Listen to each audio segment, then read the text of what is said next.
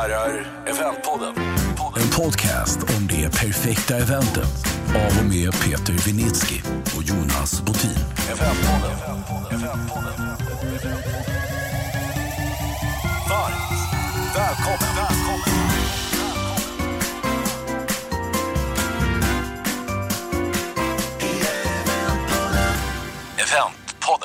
Hörde ni nya vignetten? Oj, oj, oj, oj. Den är skapad av en eh, härlig kille som faktiskt är mottagare av Sveriges Radios språkpris.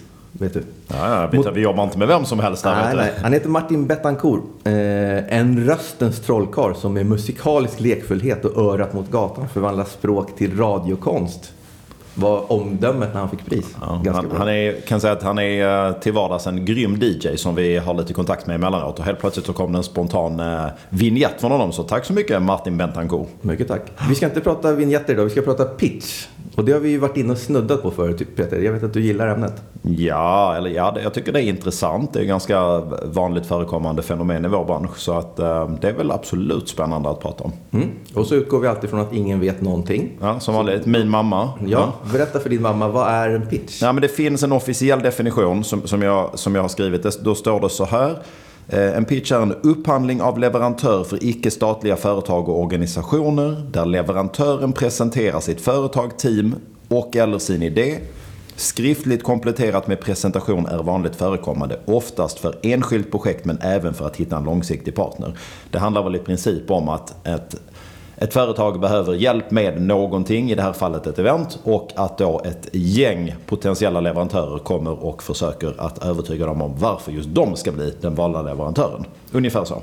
Strålande. Då är definitionen klar. Och vad tycker du om pitch då? Bara ett, ett, ett, jättebra, jättedåligt, inte alls? Nej, jag tycker att det är jättedåligt. Okej. Eller rättare sagt, eh, det beror på hur man gör det. Det, det finns ju pitchsammanhang som görs jättebra. Jag tror vi kommer tillbaka till det.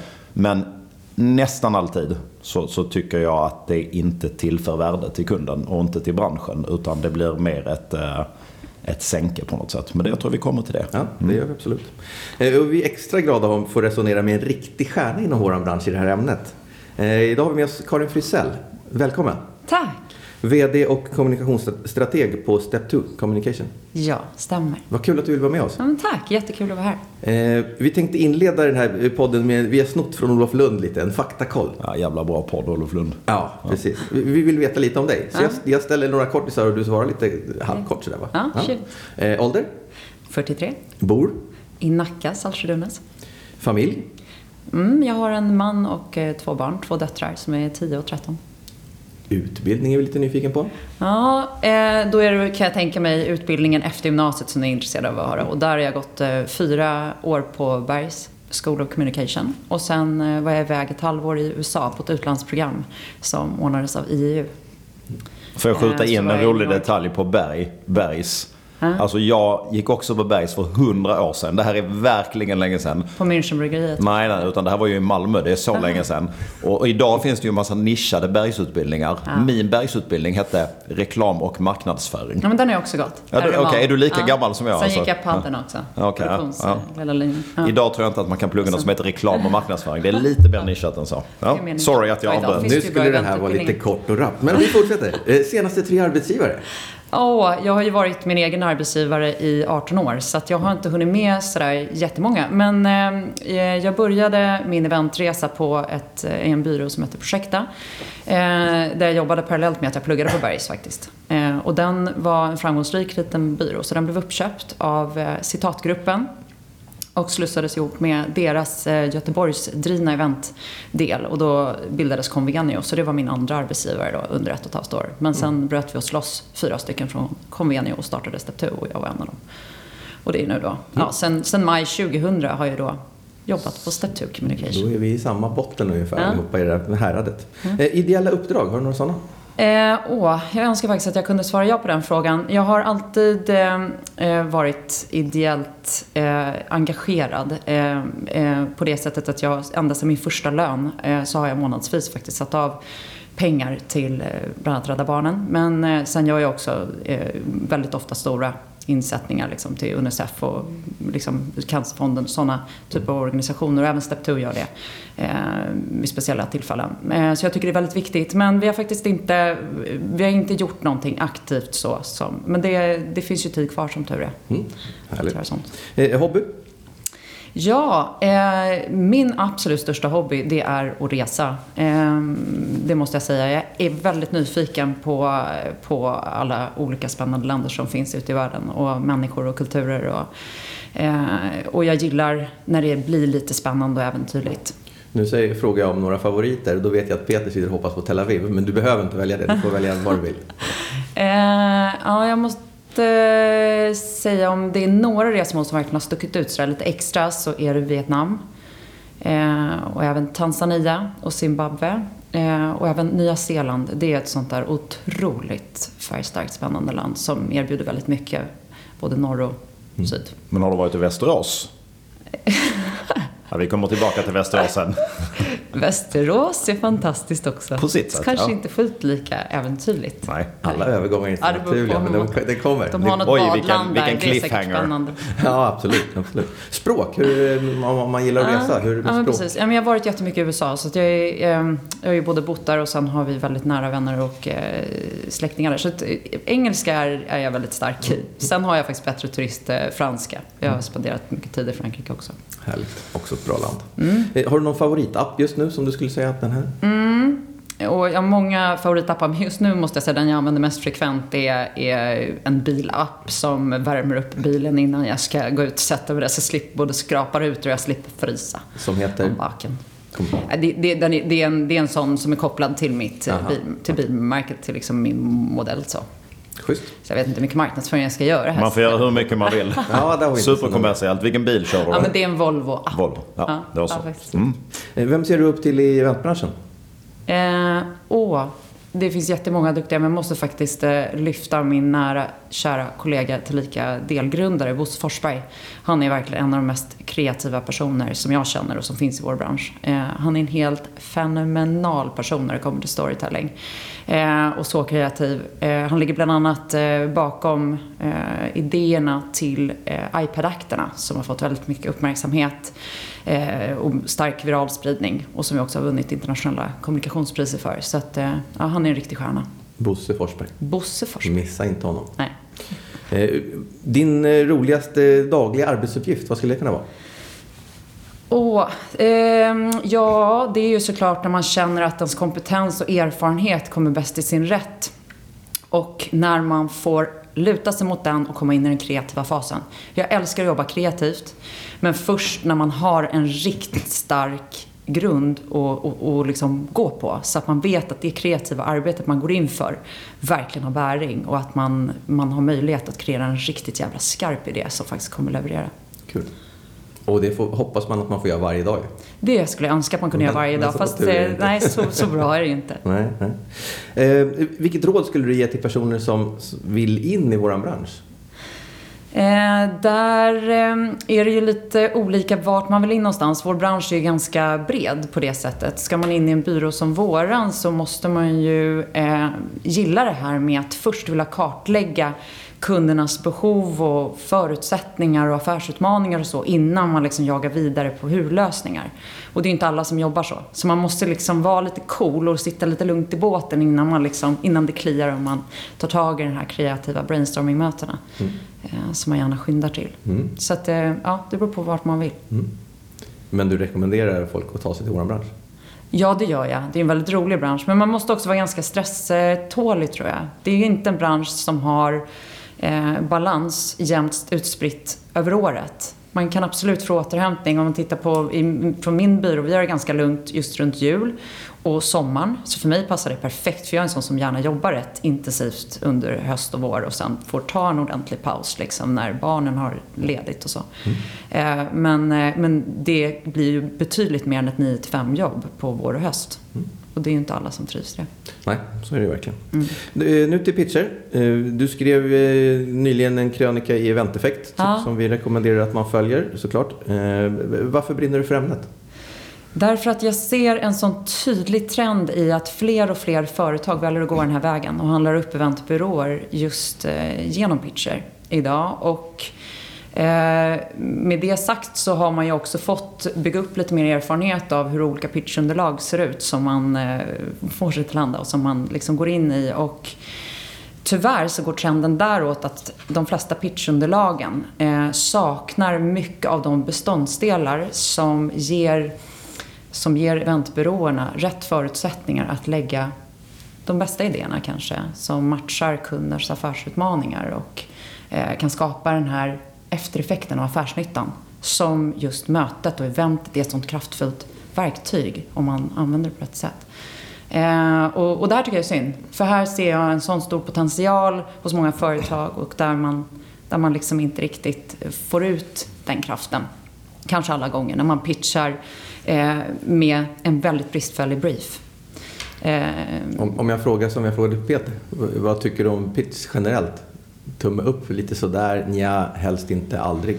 Jag tycker det är svårt att, att generalisera, för det är klart att det finns bra pitcher. Jag tycker att en bra pitch, eh, den ska innehålla en väldigt tydlig plattform om vad och varför. Varför ska mötet genomföras till att börja med? Eh, syftet och målet måste vara jättetydligt. Eh, finns det sen också en, en eh, kommunikativ plattform man förstår vad finns det för kommunikativa mål. Vad vill vi att deltagarna ska veta, känna och göra efter mötet. Så att eventbyråerna har en chans också att tänka kan vi lägga en före, under och efterplan i det här så att man får en förlängning av effekten. För alla vet idag att liksom det är ganska lätt att skapa en, en eh, energifylld känsla bara genom att samla en massa människor, om det så är interna medarbetare eller om det är samarbetspartners, leverantörer eller kunder eller så. Forumeffekten i sig är så pass stark. Eh, men just det här att, att få ut maximal effekt av sitt möte och få den här, som jag kallar det rent metaforiskt, eh, ett event är lite av en tomteblåseffekt. Men lågan i tomteblåseffekten kan väldigt snabbt slockna. Och den här eftereffekten och liksom möjligheten till förändring och liksom att man får ett ordentligt eh, resultat som liksom ger den här affärsnyttan efteråt. Den riskerar att utebli om man inte liksom har en väldigt tydlig eh, plattform för vad man vill åstadkomma. Om man inte har definierat det så är det väldigt svårt att veta vart man ska. Och ännu svårare att sätta en riktigt träffsäker idé som lever upp till någonting om man inte mm. Men är det inte så att, eh, jag vet hur jag resonerar själv. Det handlar väldigt mycket om liksom vem, vem du får det här pitchunderlaget ifrån. Självklart hur det är utformat. Ja. Men man märker rätt snabbt om det är någon som, som är liksom strategiskt intresserad eller om det bara är operativt.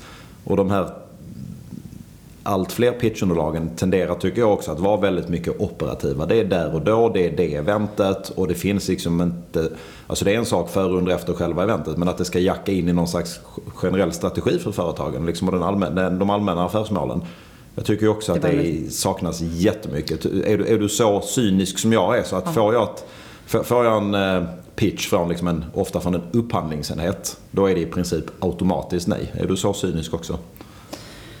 Eh, jag granskar dem, eh, tror jag, lite med det ögat som du gör. Eh, sen Eh, ja, eh, är det, är det alldeles för platt och jag känner att här har vi liksom inga förutsättningar att förstå vart kunden, eller överhuvudtaget om det är så pass fattigt så att det inte finns något syfte och mål. Eh, då kanske jag eh, faktiskt rekommenderar mitt gäng, även om några är liksom hungriga och bara, men nu har vi tid över, vi kan lägga tid på det här. Eh, att jag säger att liksom, men sannolikheten att vi lyckas liksom bara träffa så rätt nu, exakt vad de vill ha. Eh, och man vet idag att det är så många som eh, inte gör annat egentligen än att liksom bara eh, skicka fram sitt bästa säljfält eh, och, och liksom skapar förproduktioner liksom bara för att wowa där och då. Sen är det inte säkert att det är de teammedlemmarna som sen eh, kunden ska få jobba med i förlängningen. Utan alla har ju sina finter och knep för att just bara ta hem de här liksom snabba affärerna. Vi jobbar inte så. Vi är otroligt mycket för att liksom skapa en seriös bild från början. Och därför har vi ännu sämre förutsättningar. För vi är mycket mera kommunikativt orienterade. Och vi vill inte lägga idéer som vi inte vet kan stödja deras kommunikativa utmaningar. För det är, är, tror jag, är mer vanligt att de här byråerna som, eh, som vinner på, bara på idé och som inte vet vad syftet och målet är från början, när de väl blir inbjudna i matchen och liksom får, får komma i kontakt med de här som sen ska liksom rent kommunikativt föra fram några budskap den här dagen, att de här två vägarna kanske inte alltid eh, möts 100 procent. Eh, och, och då kan det vara väldigt svårt att backa bandet. Då kanske man redan har satt igång en massa produktion. Och, så då tror jag att även kunden känner att ah, vi orkar inte mer. Vi orkar inte liksom riva upp allting nu. Vi har ju bestämt att vi ska göra den här idén. Eh, så att då tror jag att man många gånger kanske skippar att definiera och tydliggöra vad man vill ha för önskad effekt. Man kanske inte ens ställer ner, liksom ordentligt sätter ner vad man vill ha för veta, känna, göra mål i det här. Eh, eller lägger en plan för hur det här ska utvärderas eller följas upp på. Och än mindre då har en liksom, plan för för actions i nästa steg. Och då, då, då blir det ju lätt det här att ja, men man fokar på att bara göra ett jättebra event och, och liksom eh, och sen så glömmer man lite bort det där efter några, några veckor och sen så kör man ett nytt race. att det ska bli okej. Okay. Ja, och sen så tar man nytag liksom nästa år. Men det är ju det som är, är så synd, för det är många stora företag som jobbar på det här sättet och som skulle kunna få ut så mycket mer. Hörrni, om vi är lite självkritiska då, som, som eh, branschrepresentanter. Kan det inte vara så att, vi, att inte vi riktigt eh, är tydliga mot kunden så att det blir lätt för dem att be om en ett förslag till, ett förslag till eller lägga pitchen bred för vi kör ju bara. Eh, vad är vårt, alltså vad är vårt ansvar eller vad, hur mycket skuld har vi att det ser ut som det gör? Ja, alltså här tror jag nog att vi tycker ganska lika på det. Det har blivit väldigt många byråer eh, på kort tid i vår bransch och det är många som, eh, som eh, bara liksom hugger på alla uppdrag som, som det finns en chans av att, eh, att komma in på. Då blir det, eh, tror jag, svårt också att i ett sånt tidigt skede utmana en ny potentiell kund och liksom ställa de här viktiga frågorna som, eh, som behövs för att man ska få bra förutsättningar kanske att lägga rätt i det. Och så chansar man och gör sitt bästa liksom. Och många har också blivit väldigt duktiga på att paketera idéer och skapa wow bara liksom där i stunden under pitchtillfället. Men det är ju där som är den svåra balansgången för att mer och mer av företagen som, som lägger ut på pitch sätter också eh, kanske inte alltid beslutsfattarna eller de som sitter med de kommunikativa och strategiska utmaningarna. Eh, vare sig som arbetar fram underlaget för pitchen, som kanske ställer de mest eller liksom som, som, som, skriver ner de mest relevanta informationsdelarna i det. Eh, ej heller kanske träffar personerna som pitchar eh, vid tillfället. Och, och, där tror jag är liksom, det är där det brister eh, många gånger också. För att då är det inte heller helt lätt att de bedömer enligt rätt kriterier. Ehm, kan det också vara så att det är komplexare köpprocesser? Är det, alltså, är det fler inblandade som inte har vanan av det vi gör? Eller finns det, kan det spela in? Nej, men är det inte att det är... Eh, alltså vår bransch reformeras också. Och jag tror att tittar man tillbaka så 10-15 år. Då var det alla möjliga aktörer som, som levererade events. Eh, och många som kanske egentligen hade någon helt annan huvudsyssla och borde göra det. Idag finns det fler duktiga aktörer. Det gör också att köpmönstret förändras lite och att man inser att man kan inte sitta med den här eh, lokalbokningsfirman. De kan inte sitta och göra vårt event och det inser fler och fler. Och då är det fler, fler som rör på sig och söker nya partners. Och då blir det ju naturligt att man måste hitta rätt. Sen om det är pitchförfarande som är rätt väg och om man gör det framförallt pitcherna på rätt sätt. Det kan vi väl också återkomma till. Men jag tror att det handlar om att, att hela, hela branschen mognar, det kommer in nya människor som tycker att vi kan inte sitta här med den här partnern för det här är inte rätt partner för oss. För precis på samma sätt som du säger att det finns massa aktörer. Det kommer ju fler och fler duktiga aktörer. Mm. Men det finns ju också ganska många som kanske inte är lika kompetenta. Och det inser nog köparna. Jag tror att det handlar mycket om att köparna blir mer och mer eh, kompetenta i sig. därför fler pitcher. Och det är inte bara så att vi är bra och dåliga förlorare. Vinner man så var det en bra pitch och förlorar man så, det, så var den inte så jäkla bra. Nej, jag har, jag har vunnit jättemånga jättedåliga pitcher kan jag säga. ja, men alltså, ibland så skakar man bara på huvudet och säger att vi kommer ju vinna det här. Och så är det någon annan, vet man att andra byråer sitter och lägger ner så mycket tid på det. Men det är egentligen någon slags fejkmanöver. Så att det görs ju mycket onödiga pitcher också. Det är ju där man måste också vara. Där ska man plocka fram cynikern i sig själv.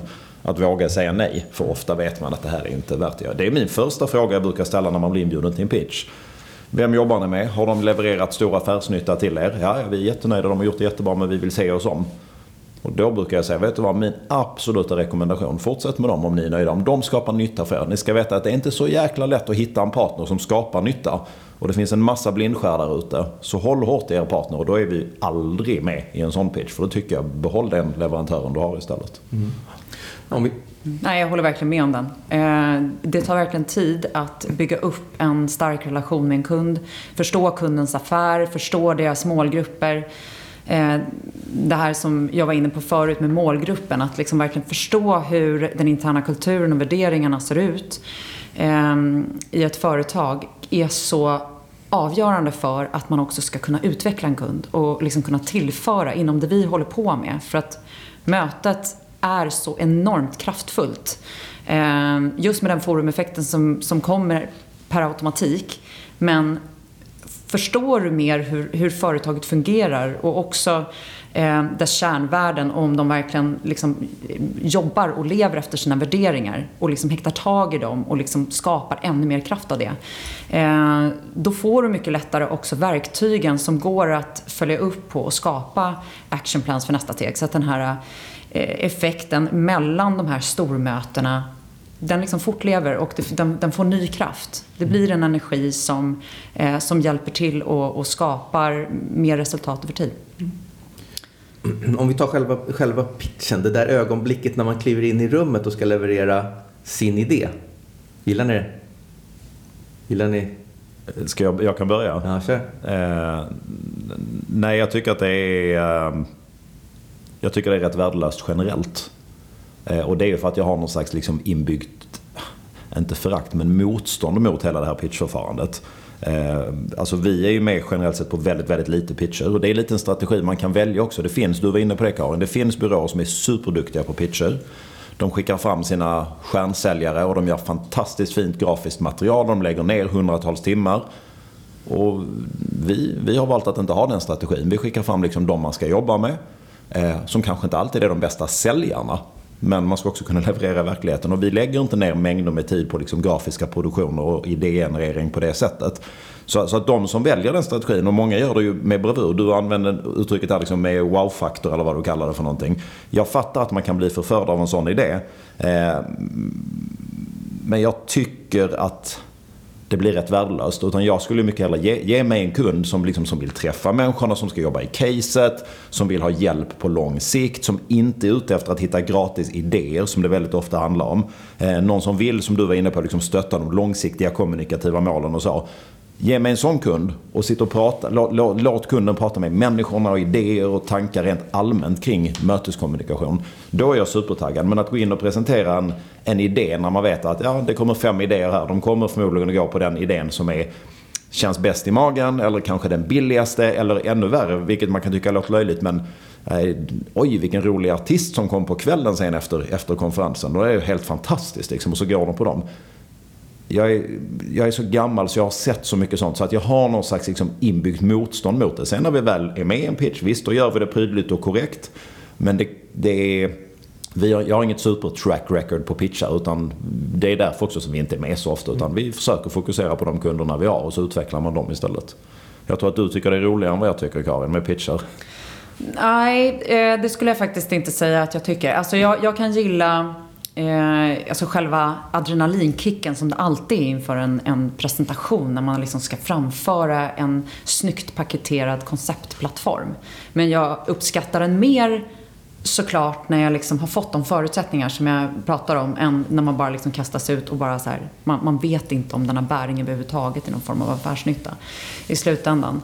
Eh, men, eh, men forumet som sådant kan jag tycka är så här, det är lite som att ställa upp i en tävling. Det är liksom, jag är en tävlingsmänniska så absolut, jag, jag, jag, säger inte helt att jag, att jag, inte, att jag inte triggas av sånt.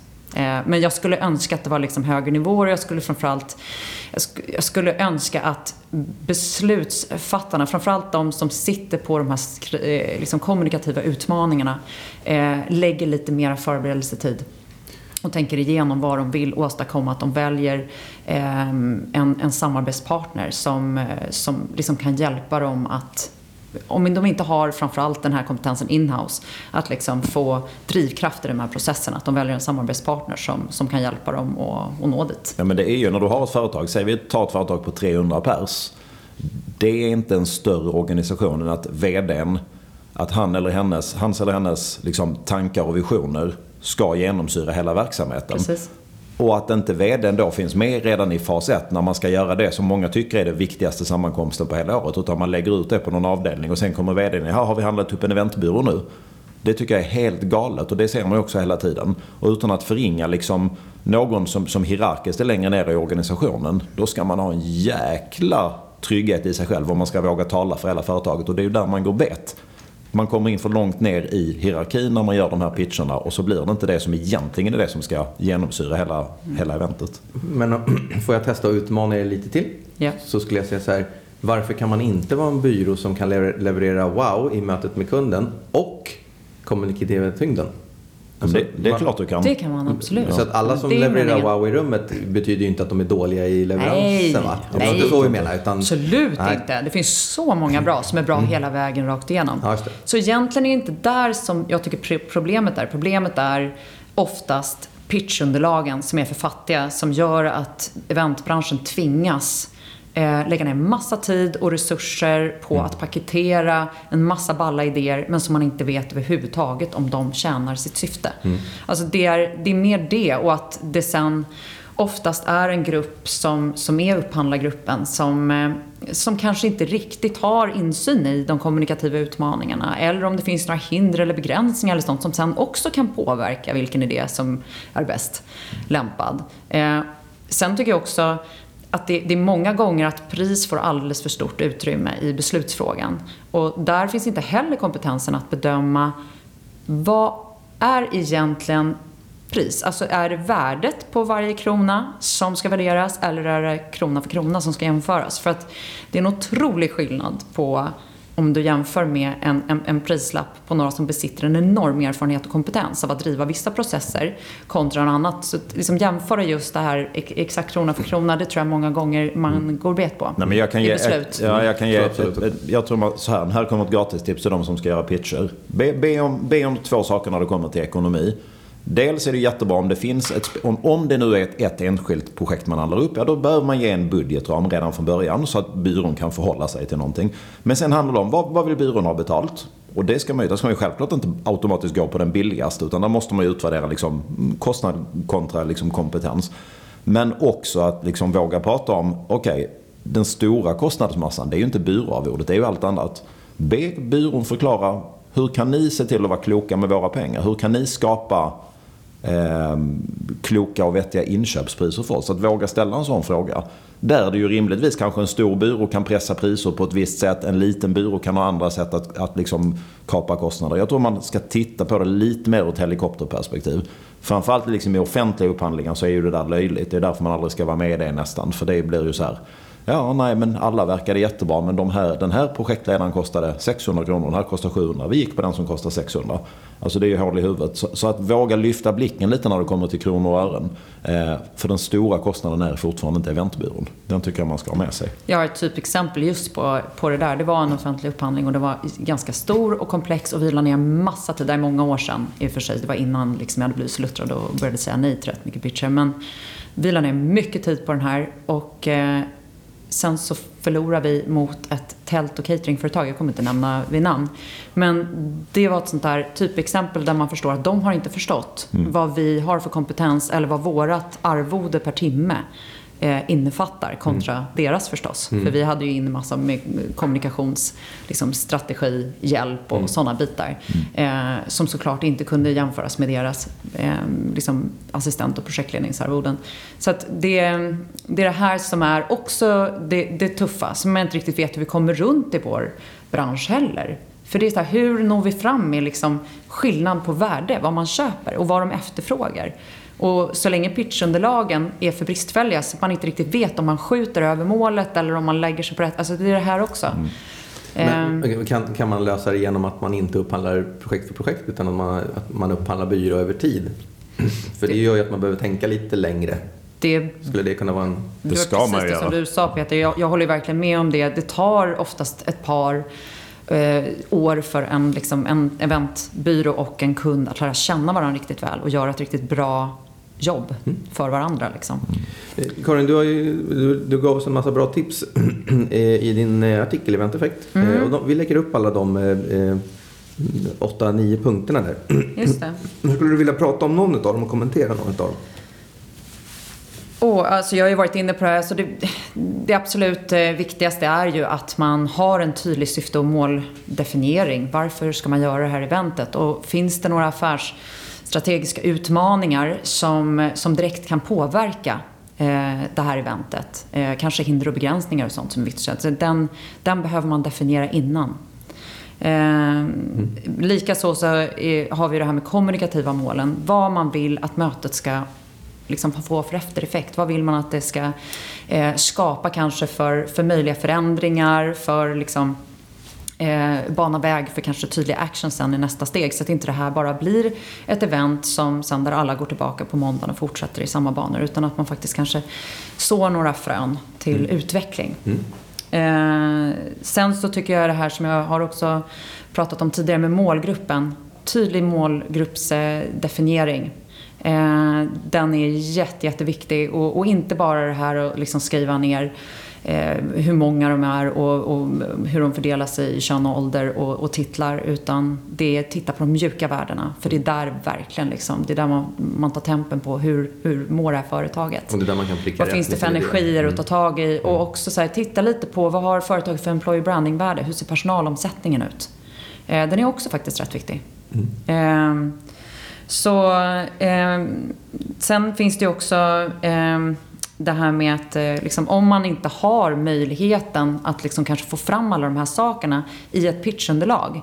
Det är mycket det som är våran, alltså det vi pushar för när vi försöker sälja in oss till en ny kund, att det är ju det vissa byråer kan. Vi är en sån som just börjar där. Vi vill inte påbörja idéarbetet förrän vi har kartlagt det här. Det finns sådana som oss som faktiskt är väldigt duktiga på att hjälpa företag att komma fram till de här sakerna. Alla har inte det inhouse att veta exakt hur man ska workshoppa fram, alltså kartlägga de här bitarna. Eh, Men då är det bättre att man börjar där. Det är det man snarare ska pitcha på. Hitta en byrå som hjälper en med det. Sen tittar man på idélösningarna. Så sammanfattningsvis så skulle jag vilja säga att fokusera inte på att jaga idéer och hur-lösningar.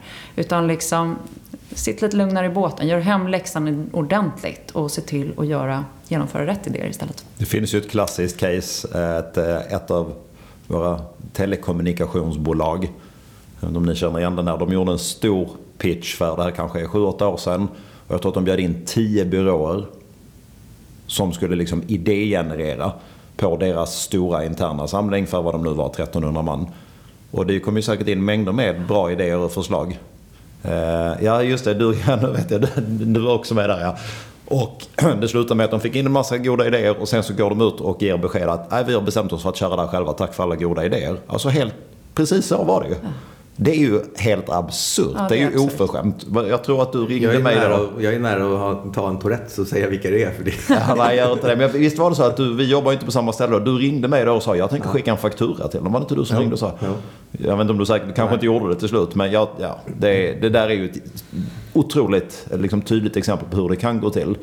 Och det är också faran där med att idégenerera. Det är, ju, det är ju helt vansinnigt. Det tycker jag man kan göra om det är så här. Vi ska ha en personalfest.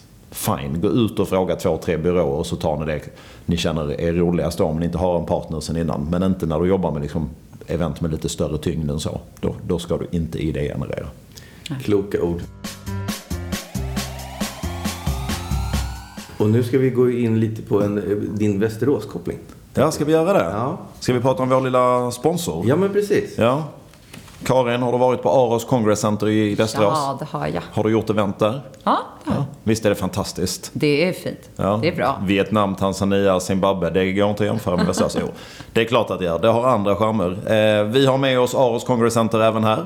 De är ju då sen under hösten nyrenoverade i sin fantastiska lokal som tar upp till 1060 personer.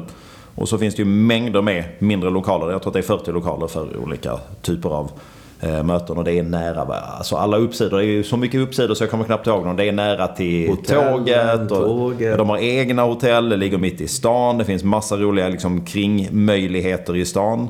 Eh, Västerås ligger nära. för de som är från Stockholm, där vi verkar. Flyget, nära. Hyggligt nära Arlanda. Jag vet inte hur lång tid det tar till Arlanda från Västerås. Som till Stockholm ungefär. Ja, men det är väl alldeles utmärkt. Och så slipper man förmodligen bilköerna som är på väg från Arlanda till Stockholm. Mm. Eh, och de har hotell precis vägg i vägg. Och, ja, men det är spännande och framförallt ett, ett bra gäng där borta som vill mycket och som är hungriga. Och på tal om hungriga, som gör väldigt bra mat och dryck har vi goda erfarenheter av. Så att eh, vi önskar eh, god jul och gott nytt år till alla kompisar på Aros Congress Center och tackar för att ni är med oss helt enkelt. Tack så mycket.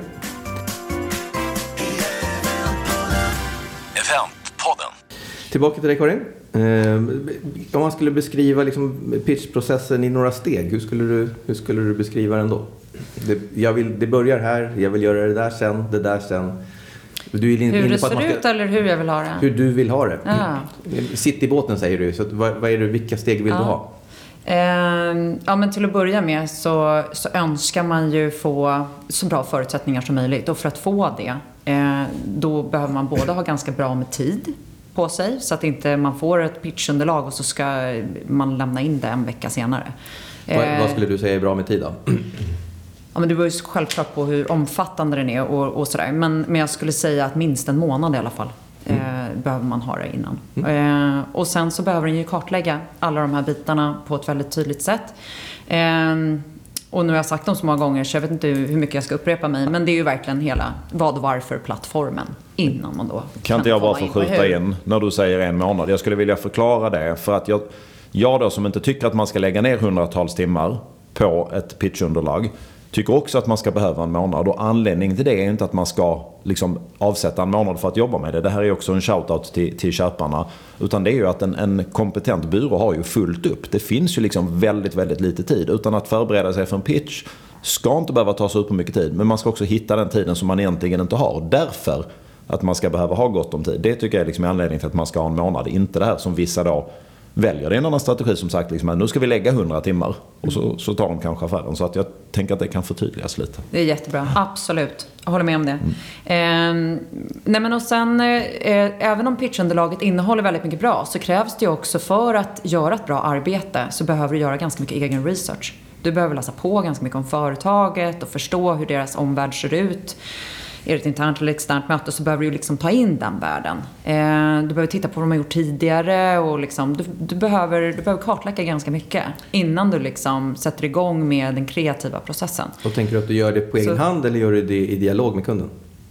Ja, men ofta så får du ju inte den tillgången till kunden innan. Så det skulle du, du vilja ha? Ditt, om du fick? Så skulle, skulle man, ja, så skulle man gärna få ha ett förmöte där man också får ställa massa frågor. Mm. Det har hänt ett par gånger. De har varit fantastiska de pitchprocesserna. Där man faktiskt, eh, där man får det man inte tycker att man kan utläsa själv i pitchunderlaget. Det får man möjlighet att, att träffa ett par personer ifrån upphandlingsgruppen liksom, och ställa frågor om. Om de inte haft svar på det så har de återkopplat och sådär. Eh, och liksom tagit det ett varv internt och så. Så att det, det är ett fantastiskt sätt om man får ha faktiskt en dialog innan. Eh, men sen så tycker jag eh, också att det ska finnas en tid från det att man skickar in pitchunderlaget till det att man ska komma dit och presentera.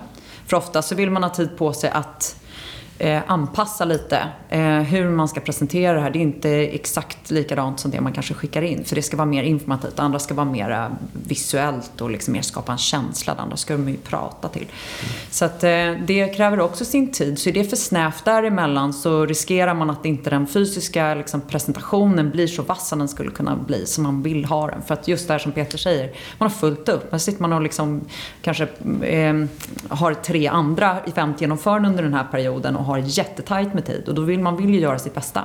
En pitch är ju verkligen så här, det är upp till bevis liksom där och då. Så att, eh, mm. ja, återigen, där är också bra förutsättningar som krävs. Ja. Och sen har man gjort sin pitch. Ja, då vill man ha... Finns det en tendens att, om vi nu var inne på att vi själva behövde lite tid för att få... För, är det inte ganska ofta som kunden skjuter på sitt beslut från pitchen ni gjorde? Och vi behöver lite mer betänketid. Jo, och jag har till och med varit med om eh, där de har sållat bort några stycken om man är kvar i en final och där man eh, ska göra ytterligare ett varv då. Man ska komplettera med några grejer så man liksom går in i ytterligare en fight med de två sista. Mm. Still standing. Mm. Och den är ju inte heller rolig. Då, ska man lägga, då vet man så här, ja, vi kanske inte får det i alla fall. Nu ska vi lägga ner ännu mer tid. Mm. Utan att veta liksom. Mm. Så att, ja. Nej, det, det, kan vara jättetufft när det förhalas och tar väldigt lång tid.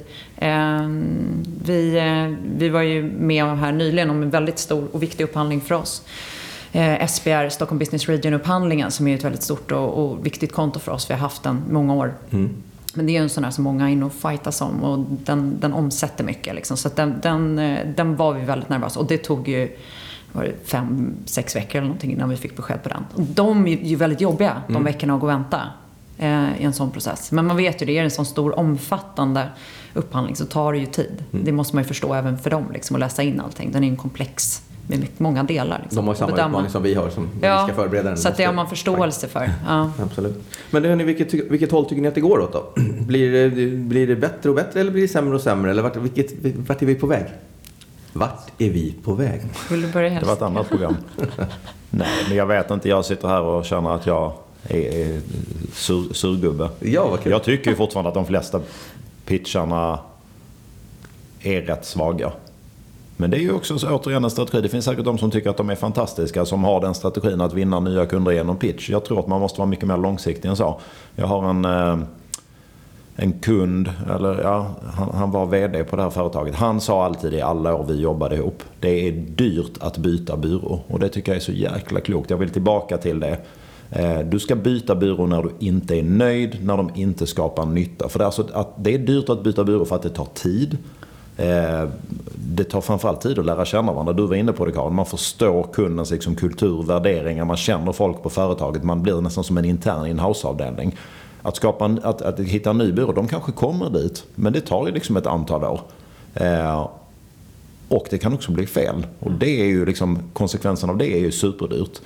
Så att eh, nej, jag tycker väl inte att det liksom strömmar in eh, jättebra pitchupphandlingar eh, i, i eh, vår värld.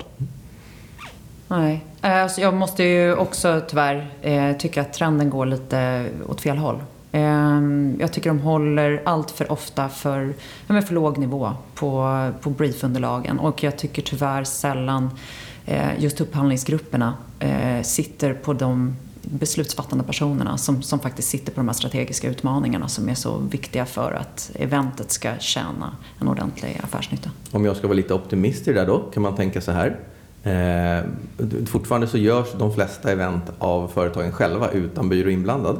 Kan det vara så att det håller på att ramla över på oss så att man har insett att man kan inte göra själv längre och då kommer man som ovan och så ramlar man in i det här systemet? Kan det, kan det vara så? Ja, men det är väl en mognadsprocess. Jag tror i och för sig att de flesta liksom...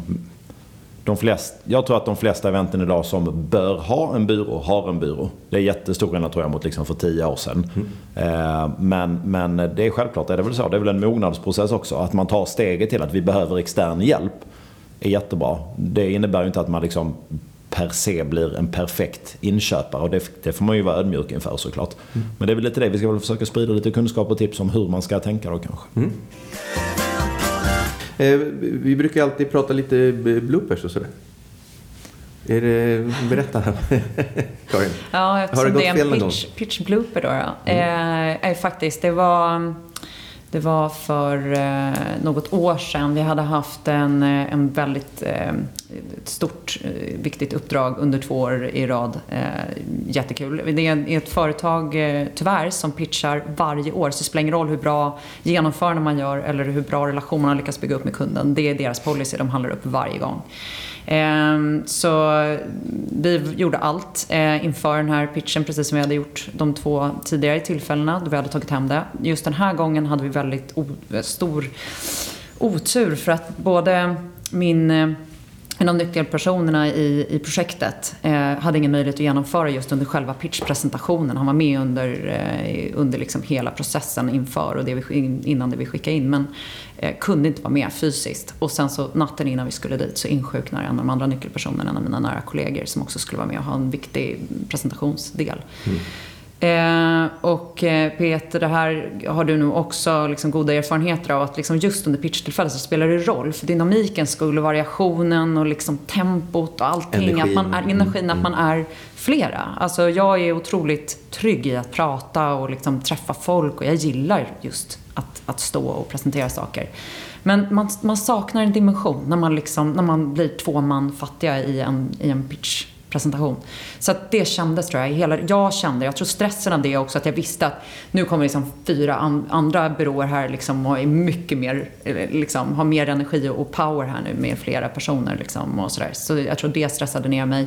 Eh, och sen att jag hade så jäkla mycket liksom, jag skulle dra i det där som skulle skapa wow och liksom hela den tysten. Nej, det var nog min absolut sämsta pitch ever. Du fick, och vi vann du fick inte jobbet. Nej, jag fick inte jobbet. Och det var himla surt. Det var, det var inget roligt. Nej. Får jag koppla på en grej där när du säger att de skulle absolut pitcha varje år. Jag vet inte vilken kund det här var. Det finns ju ett, ett eh, skräckexempel. Eh, Det finns ett icke namngivet dryckesföretag. Eh, Det kanske var dem. Det samma. Ja, det var dem. Okej. Ja, men jag tycker det är ett sånt jättebra exempel. Vi jobbade med dem för ett antal år sedan och gjorde fantastiska event. Några av de bästa eventen vi har gjort med superbra resultat. Och sen så skulle det göras om. Vi gjorde det ett par år på raken och det var så här, vi skulle pitcha varje år men till slut liksom så tyckte vi, ja men varför pitchar de ens? Och så gjorde vi ett fantastiskt event och så pratade jag med vår kontaktperson och då säger hon att vi har en ny VD och hans uppfattning är att, att eh, för att hitta den mest, den, den, så kreativ eh, höjd, så hög kreativ höjd som möjligt så ska man pitcha varje år. Man ska helst byta byrå varje år för att då får man de fräschaste idéerna. Och det där är ju som att, liksom att kasta en kniv i ansiktet på mig. Jag blir ju tokig. Vi har ju inte jobbat med dem sen dess. Men just den kunden. Jag vet att ni har varit inne och gjort bra grejer. Jag vet minst två andra byråer som har varit inne och gjort jättebra grejer. Nu hörde jag att det är en femte byrå som är inne och säkert, som är en jätteduktig byrå som, som säkert gör jättebra grejer. Det är inte rätt sätt att resonera. Men om han får br- bra grejer varje gång från alla de här byråerna, har han inte rätt då? Fast det handlar ju om, han kanske får den här, vad, vad, vad du kallade det, forumeffekten. Det är klart, alltså alla kan ju sätta ihop ett bra event så att det är kul. Men vad ger det för effekt i långa loppet? Då måste du jobba långsiktigt med en kund för att kunna hjälpa dem med det. Alla kan, fasen det är som jag brukar säga, ställ Barack Obama på scenen på vilket event som helst så kommer ingen någonsin att glömma det. Men hjälper det dig att eh, sälja mer? Eller hjälper det dig att behålla dina anställda längre? Eller vad det nu är du vill, eller sätta era värderingar eller vad det är. Nej, det behöver inte ha med den eller andra att göra och då behöver, liksom, det, det, det korrelerar inte alls. Alltså första gången man genomför ett stort event för en kund, hur bra det än blir, det kan bli liksom precis så häftigt och maffigt och läckert som helst och det är inga brister när det kommer till det tekniska liksom, genomförandet eller någonting. Men det är ändå alltid lite av ett genrep. För det är alltid så att man hittar, vad var liksom, vad, vad fanns det för saker som hade kunnat göras lite, lite bättre eller så här, när man väl lär känna varandra. Så att andra gången tycker jag är liksom, den blir alltid bättre oavsett om den första var en succé. Alltså det är så. Eh, så om man byter ut då varje gång så är det såklart att då får du aldrig bättre än ett, ett bra genrep. Alltså det tycker jag. Bra, bra slutkläm tycker jag.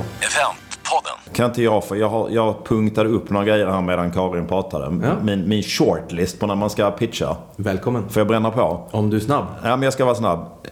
Jag kanske har sagt alla grejerna, men jag summerar dem igen. Gå på personer istället för idéer. Idé genererar inte för alla kan skapa bra idéer. Utan kräv att de du träffar också är de som ska jobba med dig på lång sikt. Det kan vara olika funktioner. Ehm, och det här med att idégenerera. Någonting som jag tycker är väldigt klokt, som, som fler och fler gör men fortfarande väldigt få. Det är att titta på gamla event som byrån har gjort. Vad har de haft för utmaningar innan? Titta på de senaste två åren. Vad har de haft för uppdrag? Vad var de kommunikativa utmaningarna? Hur löste man det? Hur paketerade man eventet? Och vilka resultat uppnådde man? För det handlar också om att du kan vara hur kreativ som helst. Inte minst då i pitchen kommer att göra en flashig presentation. Men kan du leverera det? Nej. Skickar du fram dina stjärnsäljare och har gjort fantastisk grafisk produktion så är det väldigt långt från att dina projekt och produktionsledare och kommunikationsstrateger ska kunna leverera det här på riktigt i slutändan. Så att titta gärna på vad har byrån gjort historiskt? I princip ska du inte behöva be om några idéer på ditt egna event utan be dem presentera sig och vad de har lyckats leverera innan. Det tycker jag att man skulle fånga upp mer. Ja, jag säger bara, jag håller med. Halleluja. Halleluja! Trevligt. Eh, Karin, jättetack för att du ville vara med oss i podden. Tack för alla kloka ord kring pitchar, Peter. Tack, Karin. det var jättekul. Det var roligt. Vi önskar god jul till alla som lyssnar. Vi eh, tänker att ni följer oss på Facebook, på LinkedIn ibland. Och är duktiga. Eh, och ser fram emot att vi har redan planerat ännu fler stjärnor inom branschen till eh, 2019. Många inspelningar i början av året där va? Ja. God jul, gott nytt år. God jul! God jul! ZFM.